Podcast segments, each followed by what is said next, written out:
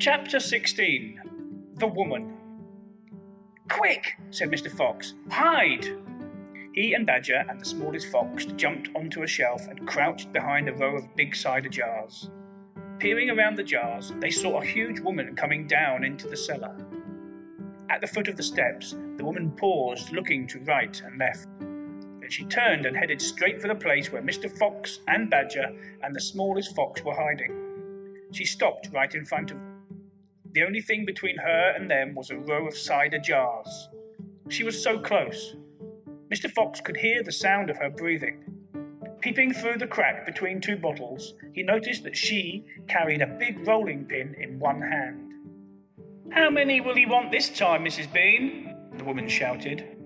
And from the top of the steps, the other voice called back, Bring up two or three jars. He drank four yesterday, Mrs. Bean. Yes, but he won't want that many today because he's not going to be up there more than a few hours longer. He says the fox is bound to make a run for it this morning. It can't possibly stay down that hole another day without food. The woman in the cellar reached out and lifted a jar of cider from the shelf. The jar she took was next but one to the jar behind which Mr. Fox was crouching. I'll be glad when the rotten brute is killed and strung up on the front porch, she called out. And by the way, Mrs. Bean, your husband promised I could have the tail as a souvenir. The tail's been all shot to pieces, said the voice from upstairs. Didn't you know that? You mean it's ruined? Of course it's ruined. They shot the tail but missed the fox. Oh, heck, said the big woman. I did so want that tail. You can have the head instead, Mabel. You can get it stuffed and hang it on your bedroom wall. Hurry up now with that cider. Yes, ma'am, I'm coming, said the big woman, and she took a second jar from the shelf. If she takes one more, she'll see us, thought Mr. Fox.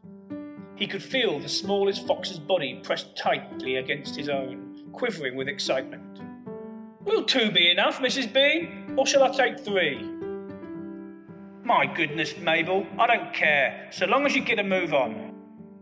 Then two it is, said the huge woman, speaking to herself now. He drinks too much anyway. Carrying a jar in each hand and with the rolling pins tucked under one arm, she walked away across the cellar. At the foot of the steps, she paused and looked around, sniffing the air. There's rats down here again, Mrs. Bean. I can smell 'em. Then poison them, woman. Poison them! You know where the poison's kept. Yes, ma'am, Mabel said. She climbed slowly out of sight up the steps. The door slammed. Quick, said Mr. Fox. Grab a jar each and run for it. Rat stood on his high shelf and shrieked. What did I tell you? You nearly got nabbed, didn't you? You nearly gave the game away. You keep out of here from now on. I don't want you around. This is my place. You, said Mr. Fox, are going to be poisoned. Poppycock, said Rat. I sit up here and watch her putting the stuff down. She'll never get me. Mr. Fox and Badger and the smallest fox ran across the cellar clutching a gallon of jar each.